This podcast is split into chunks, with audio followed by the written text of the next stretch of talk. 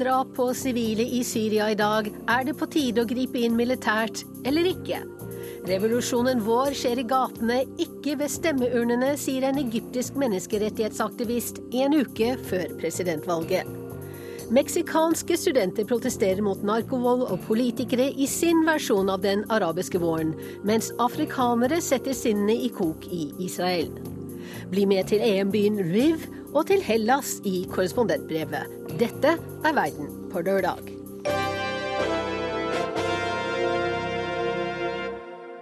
Vi begynner i Syria etter at vi har sagt vel møtt til denne utenrikstimen. Og Syria også, på slutten av en uke da FN gransker nok en grufull massakre, og fredsutsending Kofi Annan har innrømmet nederlag for sekspunktsplanen sin. Og nå i formiddagstimene kommer det rapporter om nye drap på syriske sivile, og Midtøsten-korrespondent Sigurd Falkenberg Mikkelsen, hva vet du om det som har skjedd? Det er i eh, Dera det nå har vært eh, nye kamper. 17 eh, mennesker skal være drept. Det er i hvert fall snakk om minst ni kvinner og tre barn. og Det er da kraftig artilleribeskytning av Dera, som ligger helt syd i Syria. Det var jo den byen alt startet, med fredelige demonstrasjoner for over et år siden. og Det virker jo veldig lenge siden nå. Men i tillegg til det så har det vært kamper over store deler av landet også i hovedstaden Damaskus, men særlig da konsentrert rundt eh, Homs og Idlib-provinsen.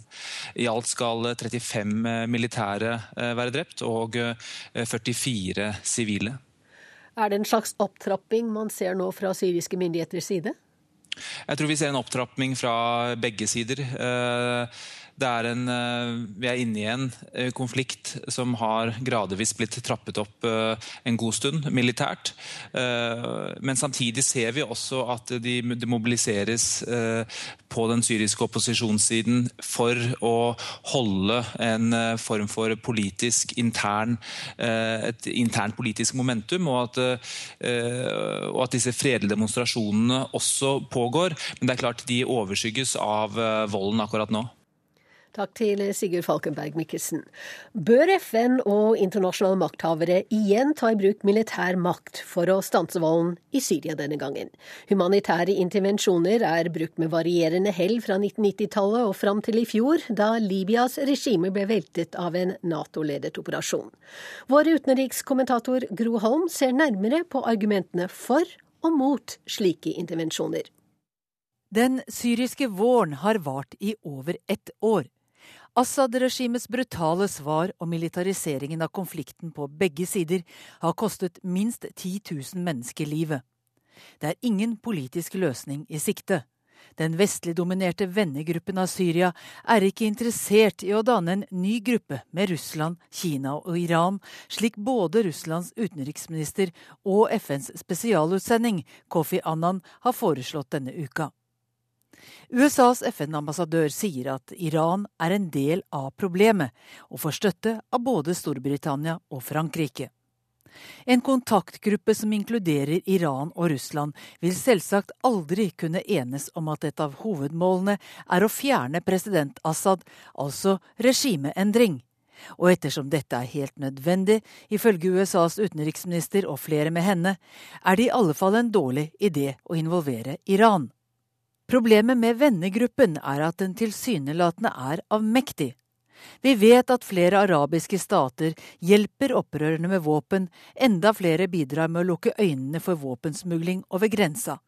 Kanskje gjør Frankrike det samme de gjorde i Libya, nemlig smugler inn franske våpen til opprørerne via Qatar eller andre arabiske allierte. Men det er ikke nok, og da melder spørsmålet om humanitær intervensjon seg igjen. Humanitær intervensjon er brukt for å beskrive situasjonen når én eller flere stater griper militært inn i en annen stat, for å beskytte sivilbefolkningen, som oftest mot overgrep fra egne myndigheter. I praksis har slike intervensjoner hatt som mer eller mindre uttalt siktemål å tvinge landets ledelse til å gå av, altså regimeendring. Stikkord er Nato-styrker i det jugoslaviske Bosnia i 1995, Natos bombing av Serbia under Kosovo-krisen i 1999 og bombingen av Libya i fjor. Humanitær intervensjon er et begrep uten folkerettslig status. Men som politisk begrep fikk det vind i seilene under Kosovo-krigen, og da som et ledd i rettferdiggjøringen av en militær aksjon som ikke var forankret i noe FN-vedtak. Forsvarerne av denne formen for maktbruk hevder med en viss rett at tusenvis av mennesker er reddet. Der det ikke har skjedd, er det fordi militære maktmidler er satt inn for sent, at soldatene har vært for få, eller at deres fullmakter har vært for begrensede. Som eksempler trekker forsvarerne fram Srebrenica-massakren i Bosnia, Rwanda og Darfur. Kritikken går langs flere linjer. Noen er prinsipielle motstandere fordi humanitær intervensjon bryter med ikke-intervensjonsprinsippet og den enkelte stats suverenitetshevdelse. Russland og Kina er der. Andre argumenterer mer situasjonsbestemt. Konsekvensene av å gripe inn militært er høyst usikre. Den opposisjonen en griper inn til fordel for, bryter ofte selv grunnleggende menneskerettigheter, eller den kan bli rammet enda hardere av regimets vrede fordi regimekritikerne oppfattes som redskap for fremmede makter. Om ikke regimet faller raskt, kan resultatet bli langt flere sivile ofre enn om andre land ikke hadde grepet inn. Dessuten kan de økonomiske og politiske kostnadene ved å gripe inn bli mye større enn antatt, særlig om det internasjonale samfunnet også må ta hovedbyrden med å bygge opp landet etter regimeendring. Bosnia, Kosovo, Irak, Afghanistan og Libya de er alle eksempler på at regimeendring ikke er billig. Tilbake til Syria. Flere sivile er drept, og truslene er ikke mindre enn tilfellet var i Libya i fjor, da FNs sikkerhetsråd vedtok flyforbudssone. Det er åpenbart at behovet for å beskytte sivilbefolkningen er minst like stort. Men selv om russerne under hånden skal ha innrømmet at regimet står for fall, vil de garantert bruke veto mot militær maktbruk. Nato vil oppleve indre splittelse om noen tar opp spørsmålet om en ny koalisjon av vilje til Syria uten FN i ryggen.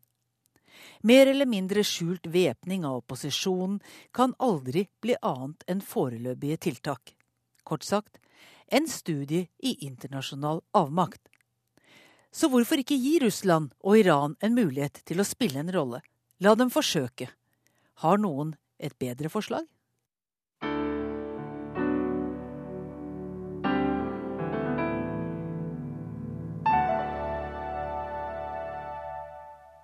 Our revolution is in the street. Our revolution is in the schools. Our revolution is in the factories. It's in the universities.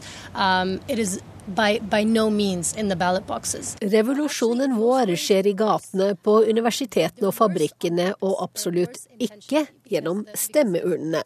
Slik uttaler en egyptisk menneskerettighetsaktivist seg en uke før andre og avgjørende runde i presidentvalget.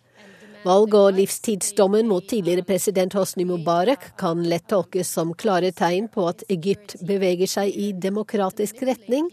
Men det er helt feil, sier Shahira Abu El-Lail, som vi møtte her i Oslo. Well, the, the two things that you uh, actually, for us, these are losses. These are, uh, these are ways to abort the revolution, not.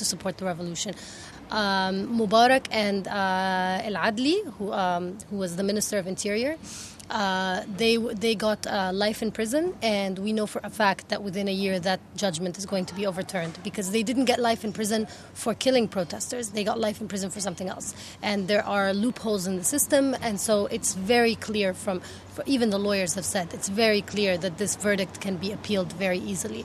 Um, they're just sort of uh, uh, giving this to the people now before elections, so that so that things you know so that things run smoothly. The elections run smoothly. They can get their man in, the military man. His name is Shafi. Abu El-Lail er sikker på at dommen mot Mubarak blir opphevet innen et års tid hvis han lever så lenge. Etter at hans tidligere statsminister og militærstyretsmann Ahmed Shafiq vinner presidentvalget. Både dette valget og parlamentsvalget tidligere i år er satt i scene for å manipulere velgerne, sier Shahira. The ballot boxes are not ours.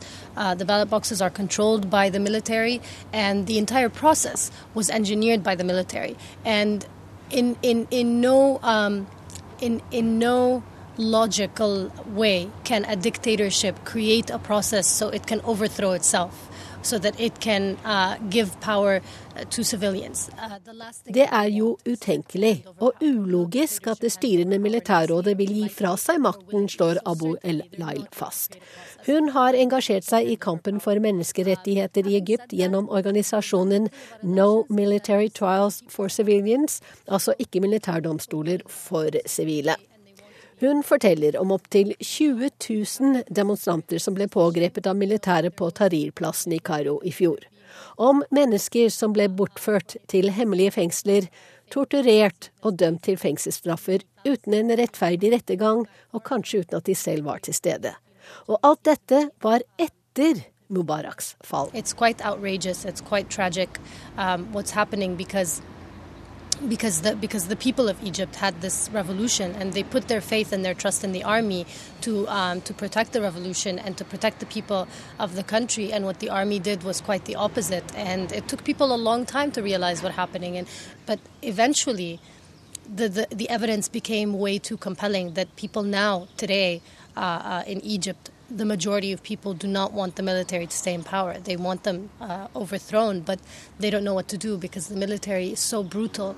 Um, so it's not. They don't make it easy for opposition. They make it very difficult. So so people are stuck between a rock and a hard place. Either you accept uh, uh, the dictatorship and just accept the fact that your revolution has failed, or um, you, you you take a very considerable risk uh, to your life. Do you think the revolution has failed?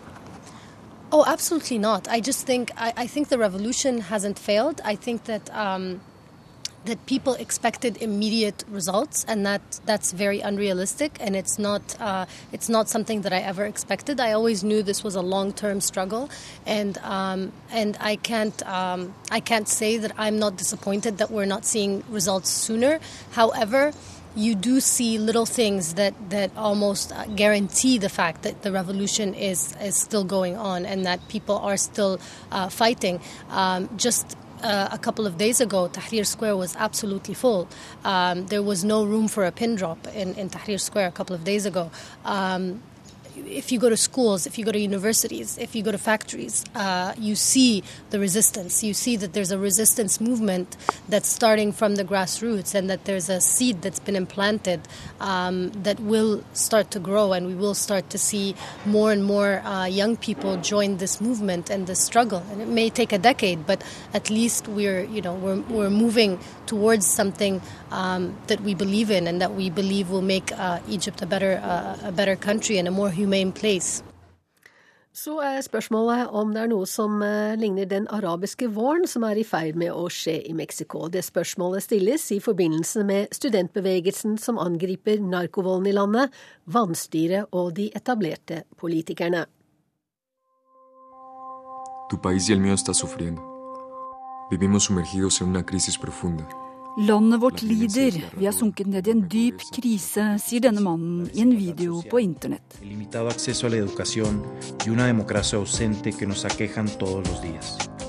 Den nye meksikanske studentbevegelsen er svært aktiv på sosiale medier, og sprer sitt budskap via kanaler som YouTube, Facebook og Twitter. Bueno, eh på en kafé i Oslo møter jeg Luis de Ita. Han er meksikansk, men bor nå i Norge.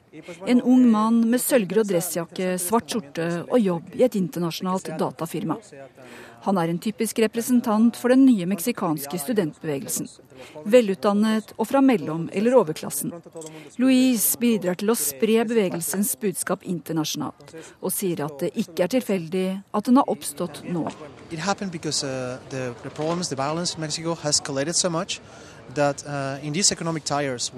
Bevegelsen startet fordi volden i landet har eksplodert, sier Louise. Det skjer samtidig med tøffe økonomiske tider, som gjør at folk med utdanning heller ikke får jobb. Og den brutale narkovolden har nå også spredd seg til rike familier som min, sier Louise. Uh, eh,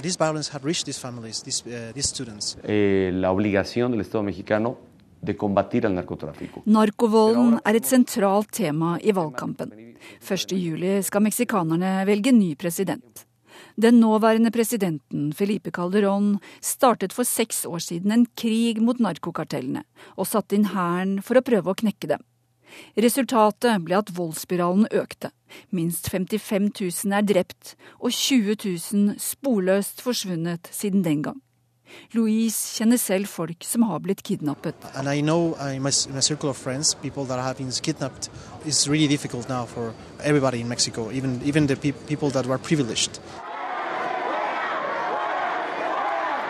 Dette er lyden av starten på en studentbevegelse. Opposisjonspartiets presidentkandidat Enrique Peña Nieto, som kan bli landets neste president, ble pepet ut av studenter ved et privat universitet i hovedstaden Mexico by i midten av mai. Peña Nieto er fra partiet PRI, som tidligere styrte Mexico i over 70 år, og som studentene mener fortsatt driver med maktmisbruk una imagen de que es inevitable que el PRI regrese al poder y que Peña Nieto sea el presidente. Peña Nieto blir favorisert i valgkampen i flere medier, ikke minst på en av de nasjonale TV-kanalene, sier psykologistudenten Oscar Ofario. Etter at Peña Nieto måtte rømme scenen, beskyldte han studentene for å være i lomma på den venstreorienterte kandidaten i valgkampen. Det startet studentbevegelsen, som nå har spredd seg til hele landet. Ikke minst via internett. Vår generasjon er ikke som generasjonen før oss. Vi ser ikke på TV, vi bruker i stedet internett og sosiale medier, og følger tett med på den arabiske våren, bevegelsen for de indignerte i Spania, Occupy Wall Street og andre bevegelser som sprer seg globalt. Vi er alle enige om at noe er galt med dagens systemer, sier Louise. Really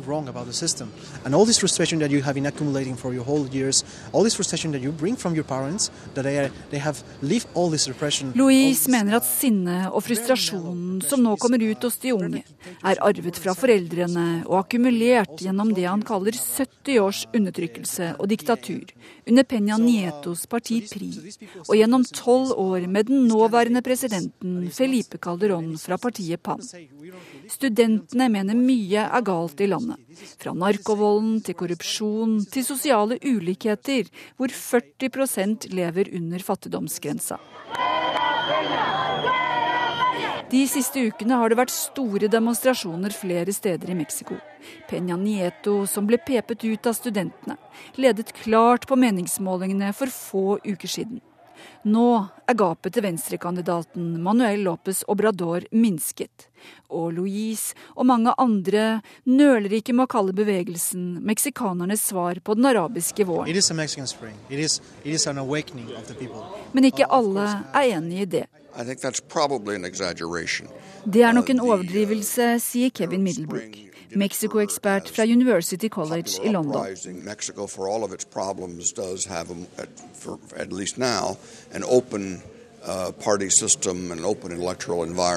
På tross av alle problemene har Mexico et åpent demokratisk flerpartisystem, i motsetning til det som var tilfellet i mange arabiske land, mener Middlebrook. Men Louise og de sinte og engasjerte studentene er ikke i tvil. Dette blir en vår meksikanerne sent vil glemme. People people this, uh, this spring, they will, it will never be the same. Reporter i denne saken var Inger-Marit Kolstad Bråten.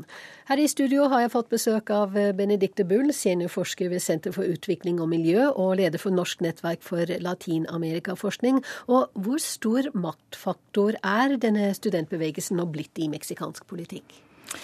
Ja, Det er nok litt usikkert, fordi eh, det spørs om disse ser eh, protestene som et alternativ til, et, eller et kompliment til, til, å gå og stemme. De er jo systemkritiske, selv om det i stor grad har rettet seg mot kandidaten til PRI.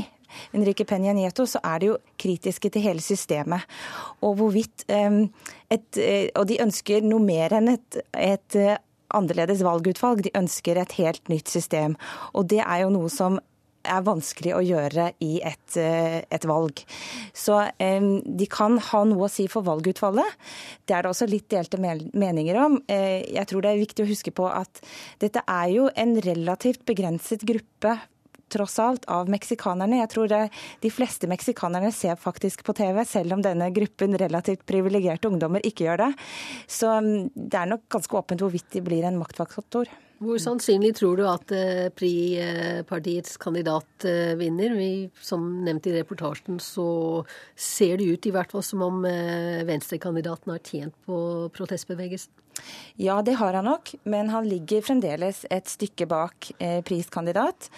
Og eh, det er jo heller ikke slik at hele protestbevegelsen stiller seg samlet bak eh, Andrés Manuel López Obrador, som er venstresidens kandidat.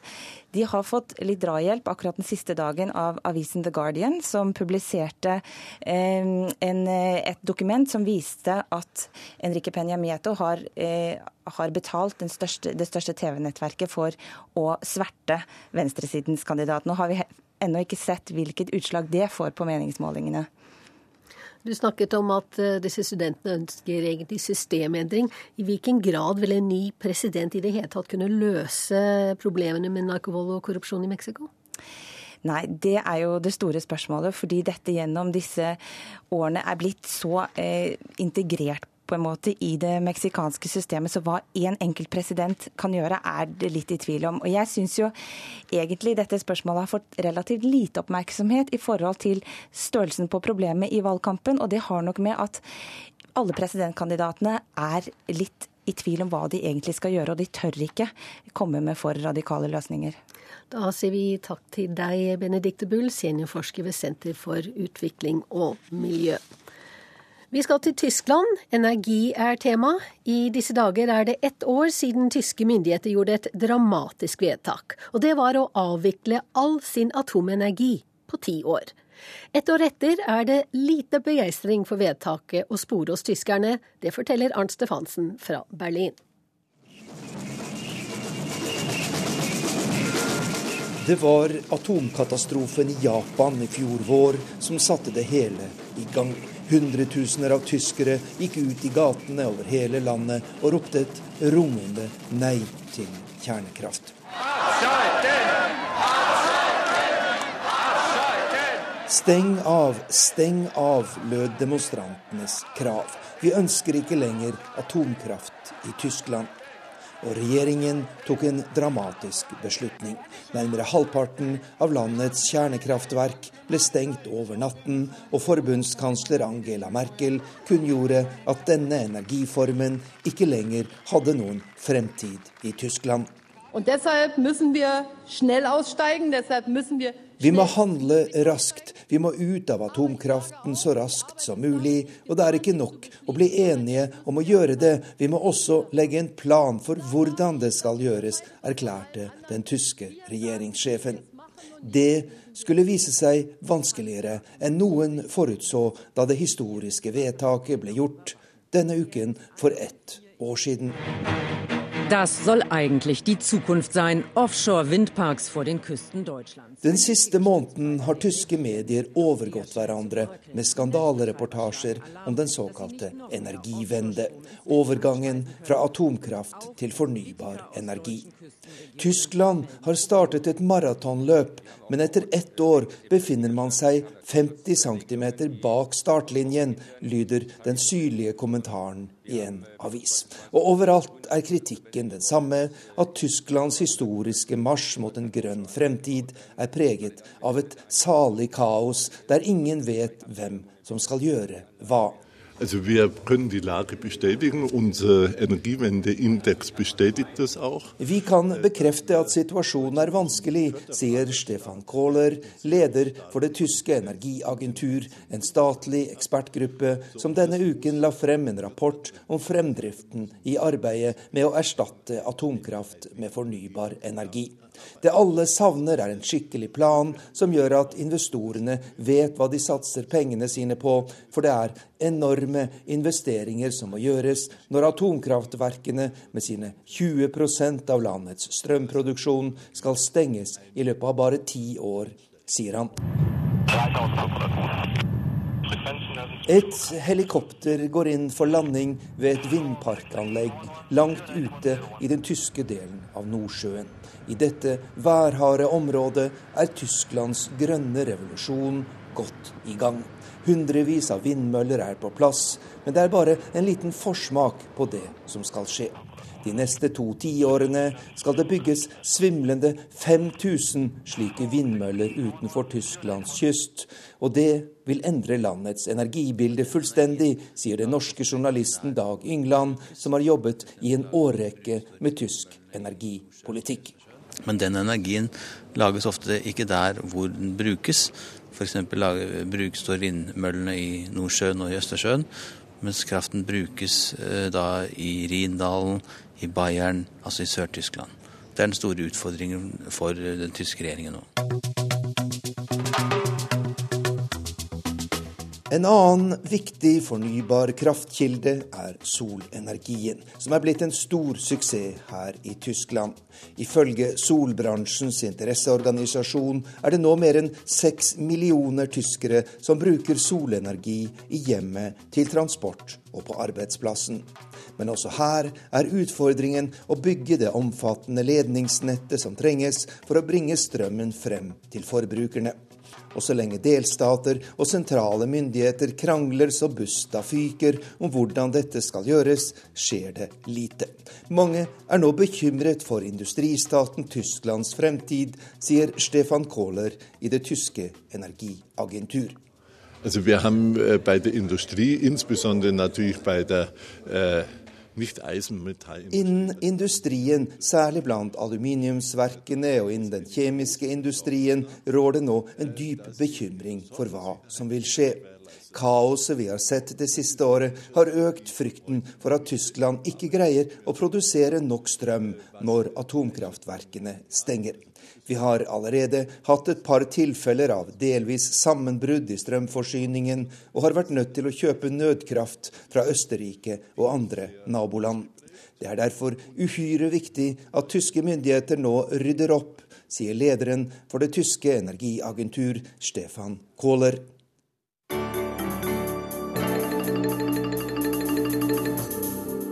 Du lytter til Verden på lørdag i NRK P2. Vi har spurt om det internasjonale samfunnet bør gripe inn i Syria med makt, og dere har hørt at meksikanske studenter har latt seg inspirere av den arabiske våren.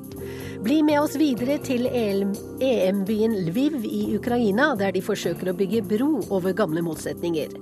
Men bakgrunnen for fotballrasismen i øst skal vi også få med oss, før vi åpner korrespondentbrevet fra Hellas.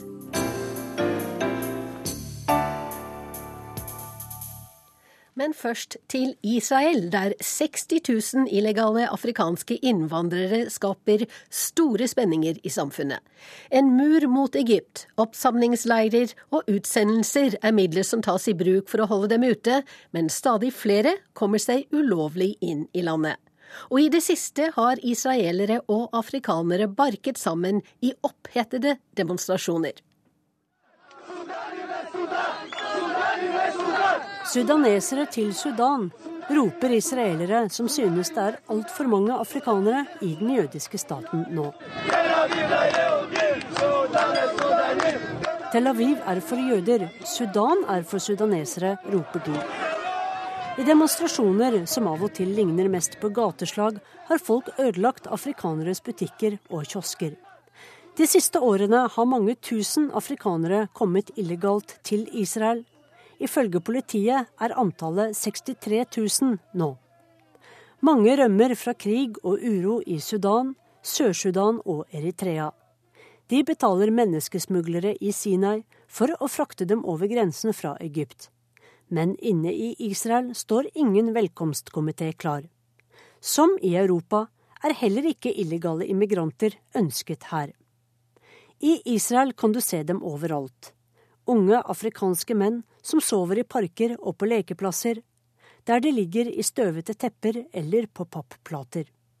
Mange jobber også svart og tar jobbene israelerne ikke vil ha. De fleste har slått seg ned i Tel Aviv. I alt 35 000 av dem er i kystbyen, sier israelsk politi. Nå har mange tel avivere fått nok.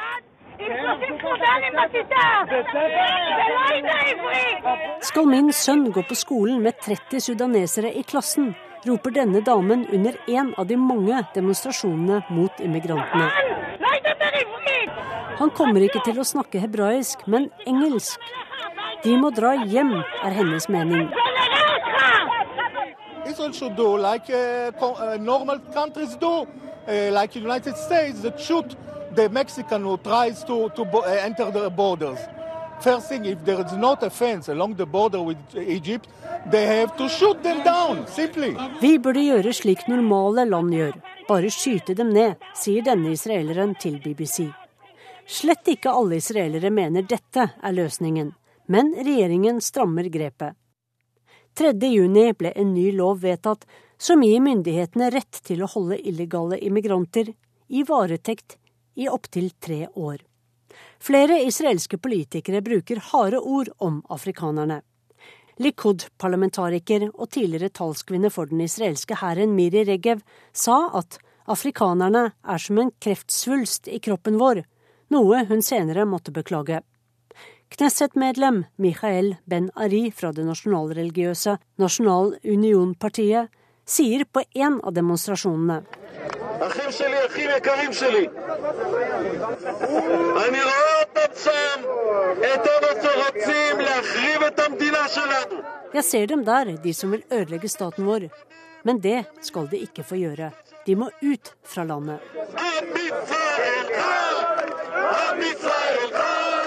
For det jødiske folket lever. Israels innenriksminister Eli gir seg fra det ultraortodokse Shas-partiet sa i et avisintervju i Ma'ariv at vi trenger ikke importere flere problem fra Afrika.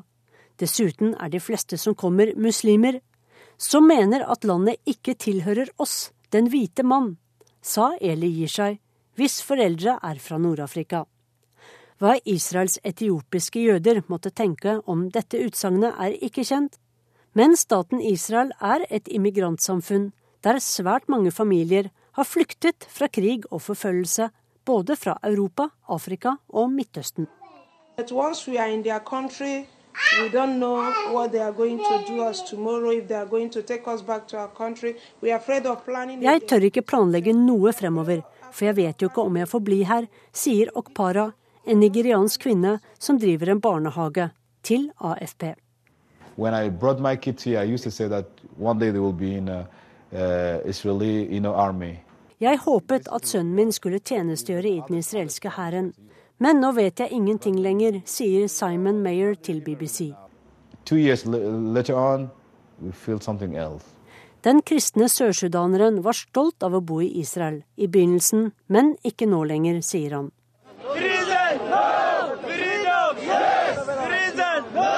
Frihet ja, fengsel nei, roper disse afrikanerne. Sammen med dem står flere israelere, for immigrantene får støtte av israelere på venstresiden og av menneskerettighetsgrupper. Stans rasismen, roper de. Statsminister Benjamin Netanyahu omtaler de afrikanske migrantene som infiltratører. De kommer til Israel av økonomiske grunner. Netanyahu tror ikke at de opp mot 2000 flyktningene som hver måned kommer fra Egypt, rømmer fra krig eller konflikt. Statsministeren er dessuten bekymret for Israels jødiske karakter, som han sier, om det kommer for mange ikke-jøder inn i landet. Og det rapporterte Sissel Wold. Europamesterskapet i fotball er i gang, og i kveld spiller Tyskland mot Portugal i den vestukrainske byen Lviv. Det er en by som er full av minner om en dramatisk og ofte blodig historie. Men mer enn noen av de andre EM-byene forsøker den å bygge broer over gamle motsetninger. Morten Jentoft har nettopp besøkt Lviv.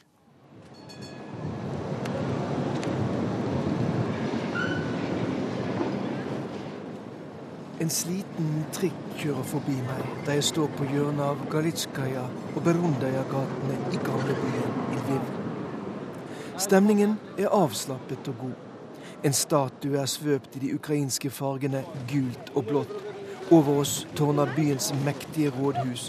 Overalt er det plakater som forteller at Lviv og Ukraina nå skal arrangere Europamesterskapet i fotball. I dag er Lviv noe av det mest ukrainske som finnes. De nesten 800 000 innbyggerne her er stolte over at det var de som for mer enn 20 år siden gikk i spissen for å skape en selvstendig ukrainsk stat, og at det var folk herfra som i 2004 var drivende i den oransje revolusjonen, som i alle fall midlertidig klarte å skape et mer demokratisk og europeisk Ukraina.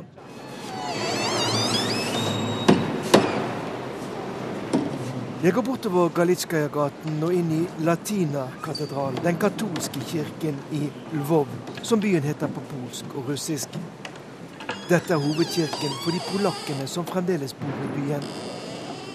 Før annen verdenskrig var de romersk-katolske polakkene i flertall i Lviv. En folketelling fra 1931 viser at halvparten av innbyggerne i det som den gangen var Polens tredje største by, var polakker.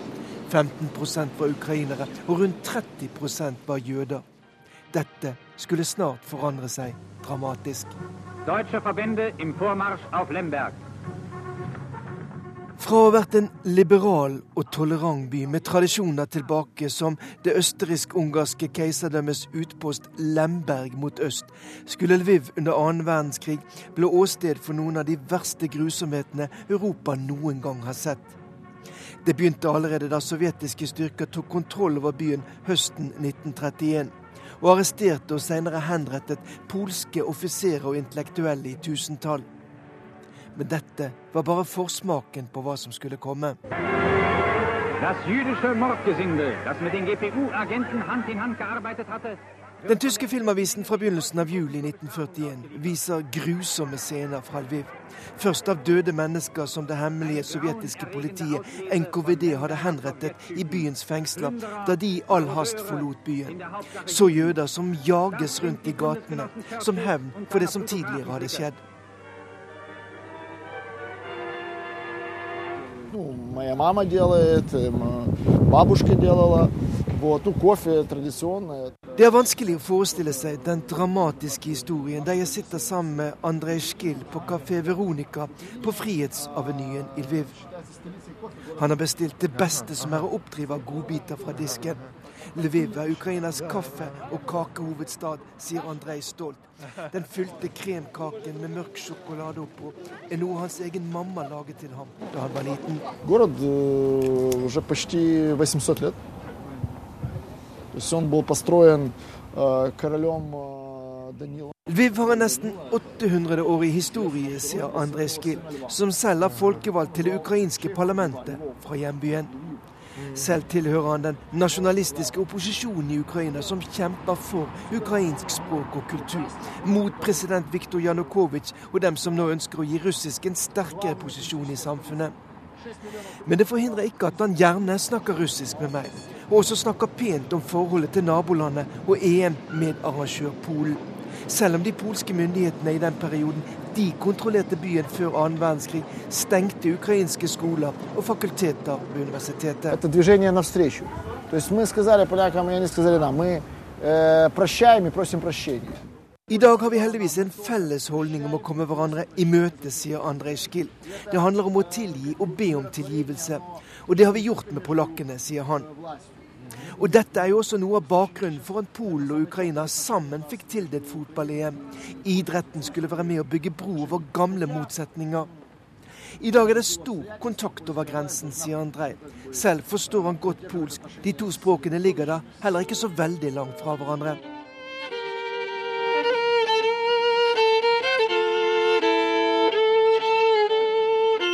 Oppe ved rådhuset spiller den unge gatemusikanten Melodi Grand Prix-vinneren 'Fairytale' av Alexander Rybak. Oppvokst ikke så langt nord for Lviv, i Minsk i Hviterussland. Og for mange her er det nok et lite eventyr at Tyskland og Portugal nå spiller EM-kamp i Lviv, hjembyen deres.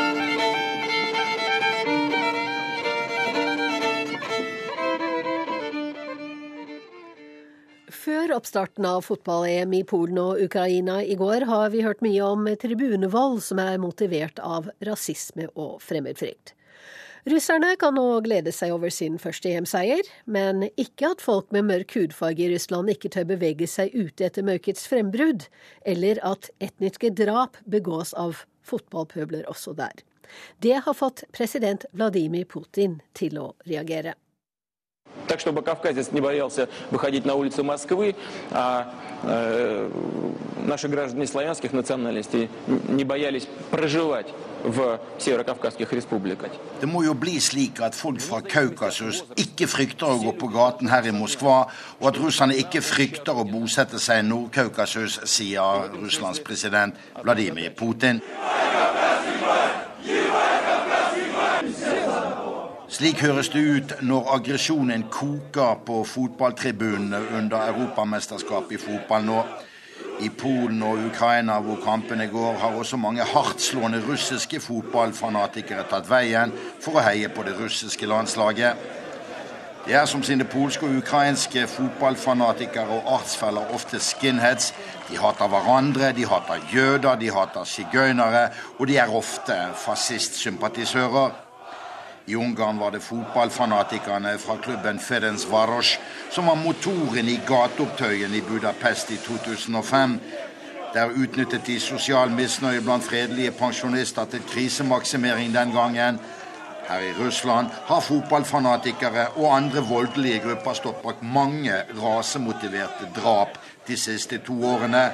Ekstremismen må ryddes av veien nå, slår president Putin fast. На самом деле нужно пресекать проявление экстремизма со всех сторон, откуда, откуда бы они ни исходили. I virkeligheten må ekstremismen fra alle hold nå kuttes med roten, hvor den nå enn stammer fra. Og ingen får greie kaukasier eller andre nasjonaliteter under én kam. Vi må slå hardt til mot alle slike ytterliggående fenomener, sier president Vladimir Putin.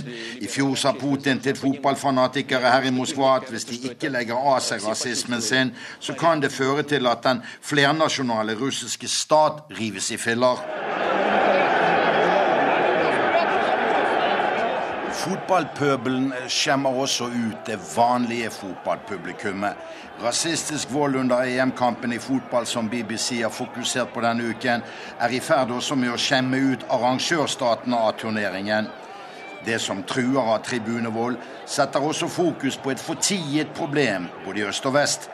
Gjenoppblomstringen av gammel rasisme og nyfascistiske sympatier øst for hele det gamle jernteppet som falt mellom 1989 og 1991.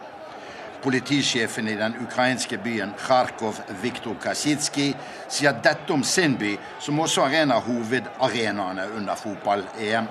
Ну, действительно, были такие ситуации, когда на стадионе разворачивали э, различного рода полотнища, где знаки, немецкие, фашистские знаки, будем говорить, были. Vi har virkelig sett situasjoner utvikle seg på fotballstadionene der våre egne folk har brettet ut plakater og banner med tyske fascistsymboler og klare rasistiske ytringer. Politiet griper bare inn hvis arrangørene ber oss om det, sier politisjefen i den ukrainske storbyen Kharkov.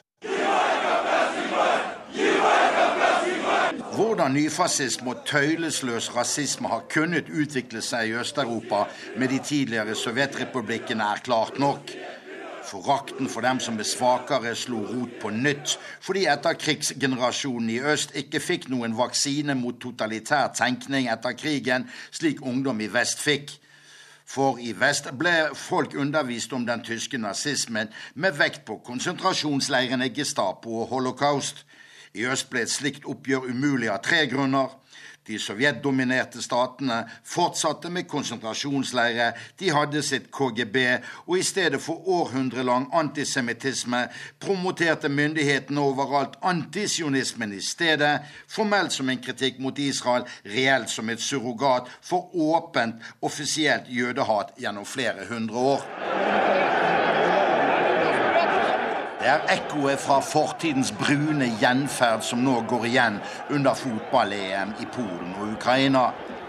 Dette antyder et nytt, dystert behov for en alvorligere verdidebatt både i de nye EU-statene i Øst-Europa og i de tidligere sovjetrepublikkene. Hans-Wilhelm Steinfeld, Moskva.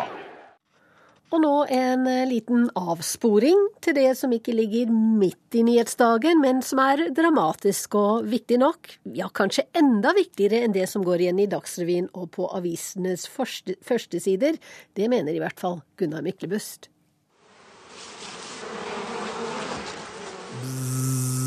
Av og til må vi bare ta oss et lite avbrekk fra blodbadet i Syria og gjeldskrisa i Sør-Europa og fokusere på de nære ting nyttig nok. For like vesentlig og viktig som stormaktskrangel i FN og lagnaden til euroen, er det som surrer rett framfor nesen på oss. Ja, nettopp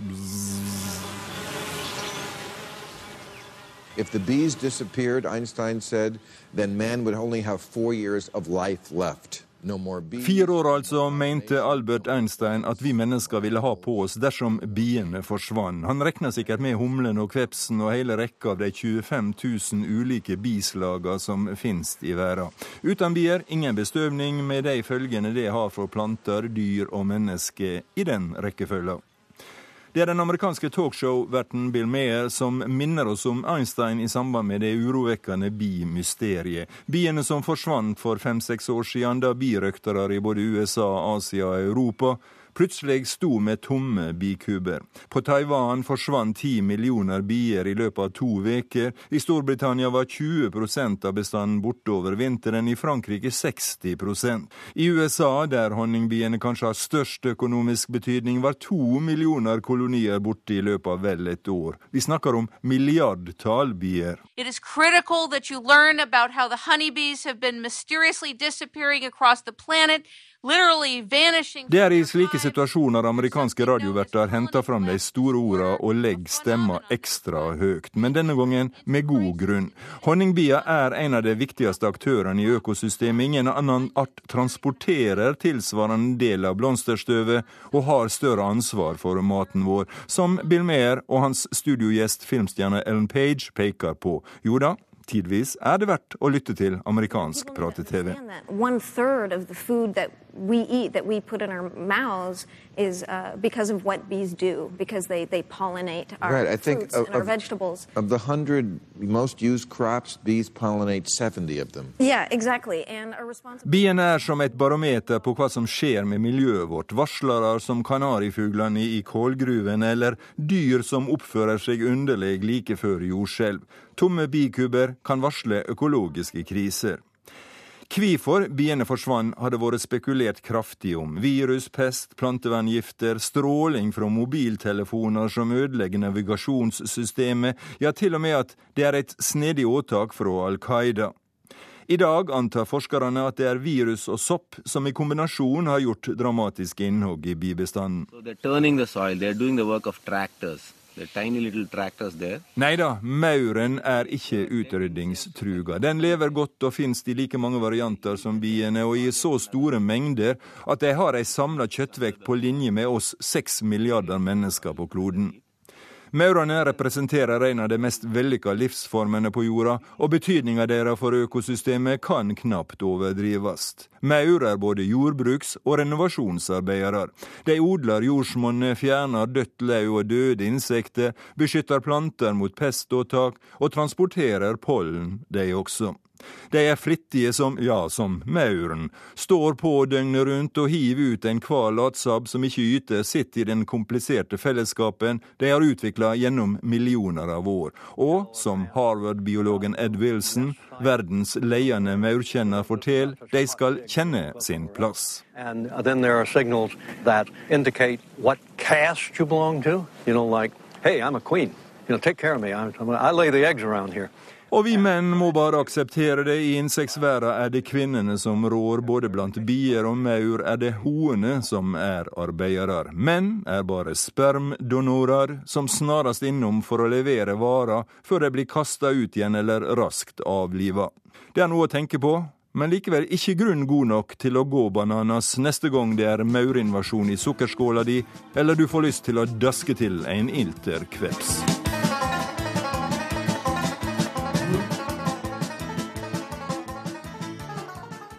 Litt av Øystein Sunde og Humlens flukt er til slutt der. Nå skal vi tilbake til alvoret. Ukens korrespondentbrev kommer fra Hellas. Avsender er Hege Mo Eriksen. Det er sval sommerkveld i Aten, og jeg er ute og drikker øl med nynazister. Det vil si, det er ekspertene som kaller dem det. Selv kaller de seg kompromissløse nasjonalister. Foran meg sitter en ung, blond dame iført hvit og blåstripete genser med gullknapper på ermene. Neda er leder for kvinnegruppa i det høyreekstreme partiet Gyllent daggry. Ved valget i forrige måned fikk partiet 7% av stemmene, og sjokkerte en hel nasjon med å vinne 21 representanter i parlamentet. Det er ikke det at vi har noe imot utlendinger, sier Neda. Vi har bare ikke plass til dem her i Hellas. Vi har ikke jobber, vi har ikke penger, vi har ingenting å gi dem. Vi sitter på en fortauskafé i Aten. Varmen har satt inn i den greske hovedstaden, og tross gjeldskrise er det mange som er ute på byens kafeer og restauranter denne kvelden. Neda snakker med kraft og overbevisning i stemmen. Vet du hvorfor vi ikke har løshunder lenger i Aten? spør hun plutselig. Før var det fullt av dem her, nå er de borte alle sammen. Innvandrerne har spist dem. Det er helt sant, jeg elsker hunder, men nå er det ingen igjen her.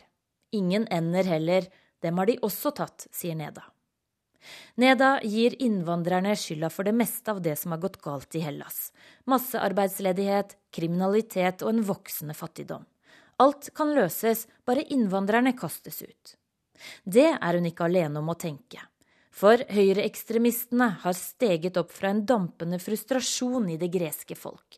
De har funnet grobunn i et samfunn ført til randen av økonomisk kollaps. Det er i det hele tatt lite som minner om normalitet og stabilitet i Aten i disse dager.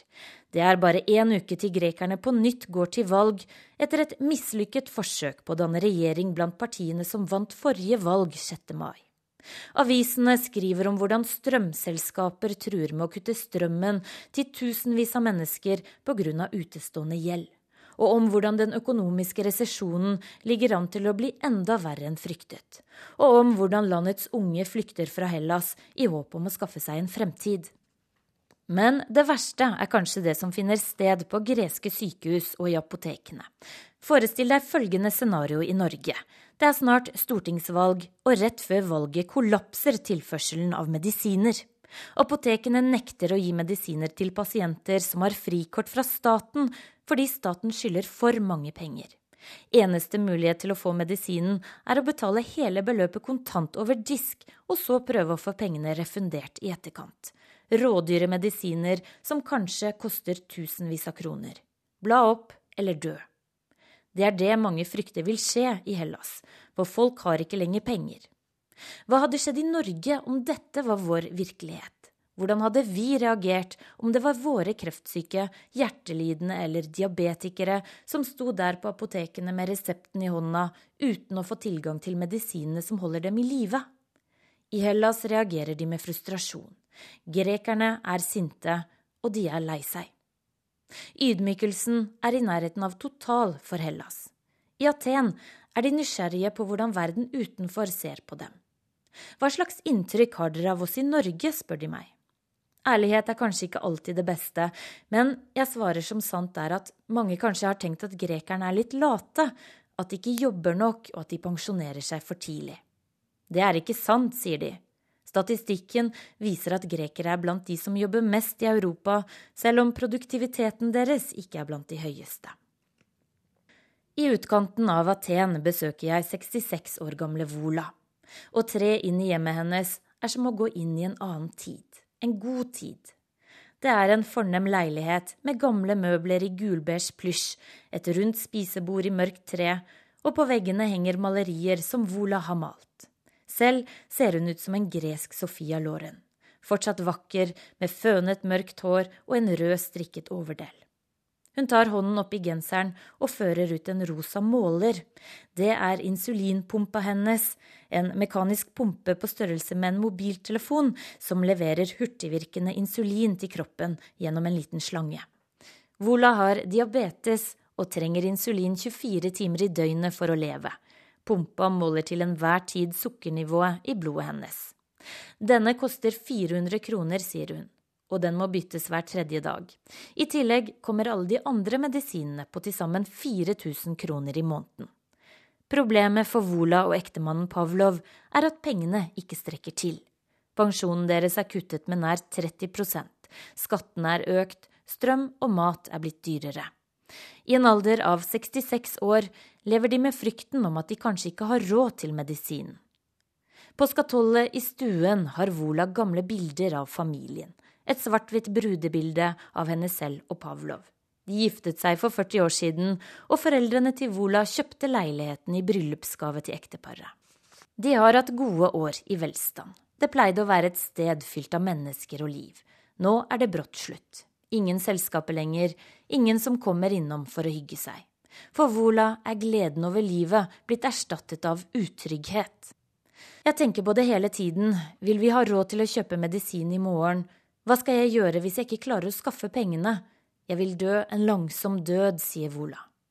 Jeg spør henne om hvordan det føles å ha havnet i denne situasjonen, og hun svarer det er ydmykende, jeg føler meg ikke lenger som et medlem av dette samfunnet.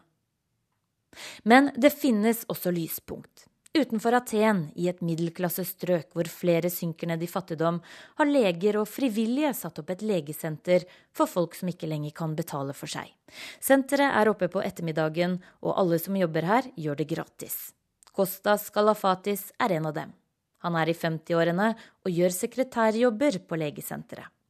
Grekere er i ferd med å finne tilbake til slik vi var før, sier Kalafatis. Etter borgerkrigen i Hellas var folk veldig nærme hverandre. Ditt problem var mitt problem, og folk stilte opp for hverandre 100% Så på 60- og 70-tallet endret det seg. Mentaliteten ble annerledes. Vi fikk en mer amerikansk levemåte. Nå er vi i ferd med å finne tilbake til solidariteten vi hadde før. Selv om vi så vidt har møtt ham, tilbyr han seg å kjøre oss i sin egen bil til vår neste avtale. Jeg spør han om hvorfor han jobber som frivillig på senteret. Jeg gjør det for å hjelpe, jeg kan ikke sitte hjemme, sier Kalafatis. I det siste har jeg opplevd Europas to ytterpunkter. For to uker siden var jeg hjemme i Norge på et kort besøk. Deretter dro jeg til Hellas. To land i hver sin ende av velferdsskalaen. I Norge var det kamp for høyere lønn, det var streik. I Hellas er det bare stritt. Og det sa altså europakorrespondent Hege Moe Eriksen. Og dermed er det slutt på denne Verden på lørdag-sendingen fra NRKs utenriksredaksjon. Du kan få med deg en kortversjon av programmet i P2 klokka 16.40 i ettermiddag. Teknisk ansvarlig Lisbeth Sellereite, skript Oda Holm Gulbrandsen. I studio Wenche Eriksen, og vi sier takk for nå.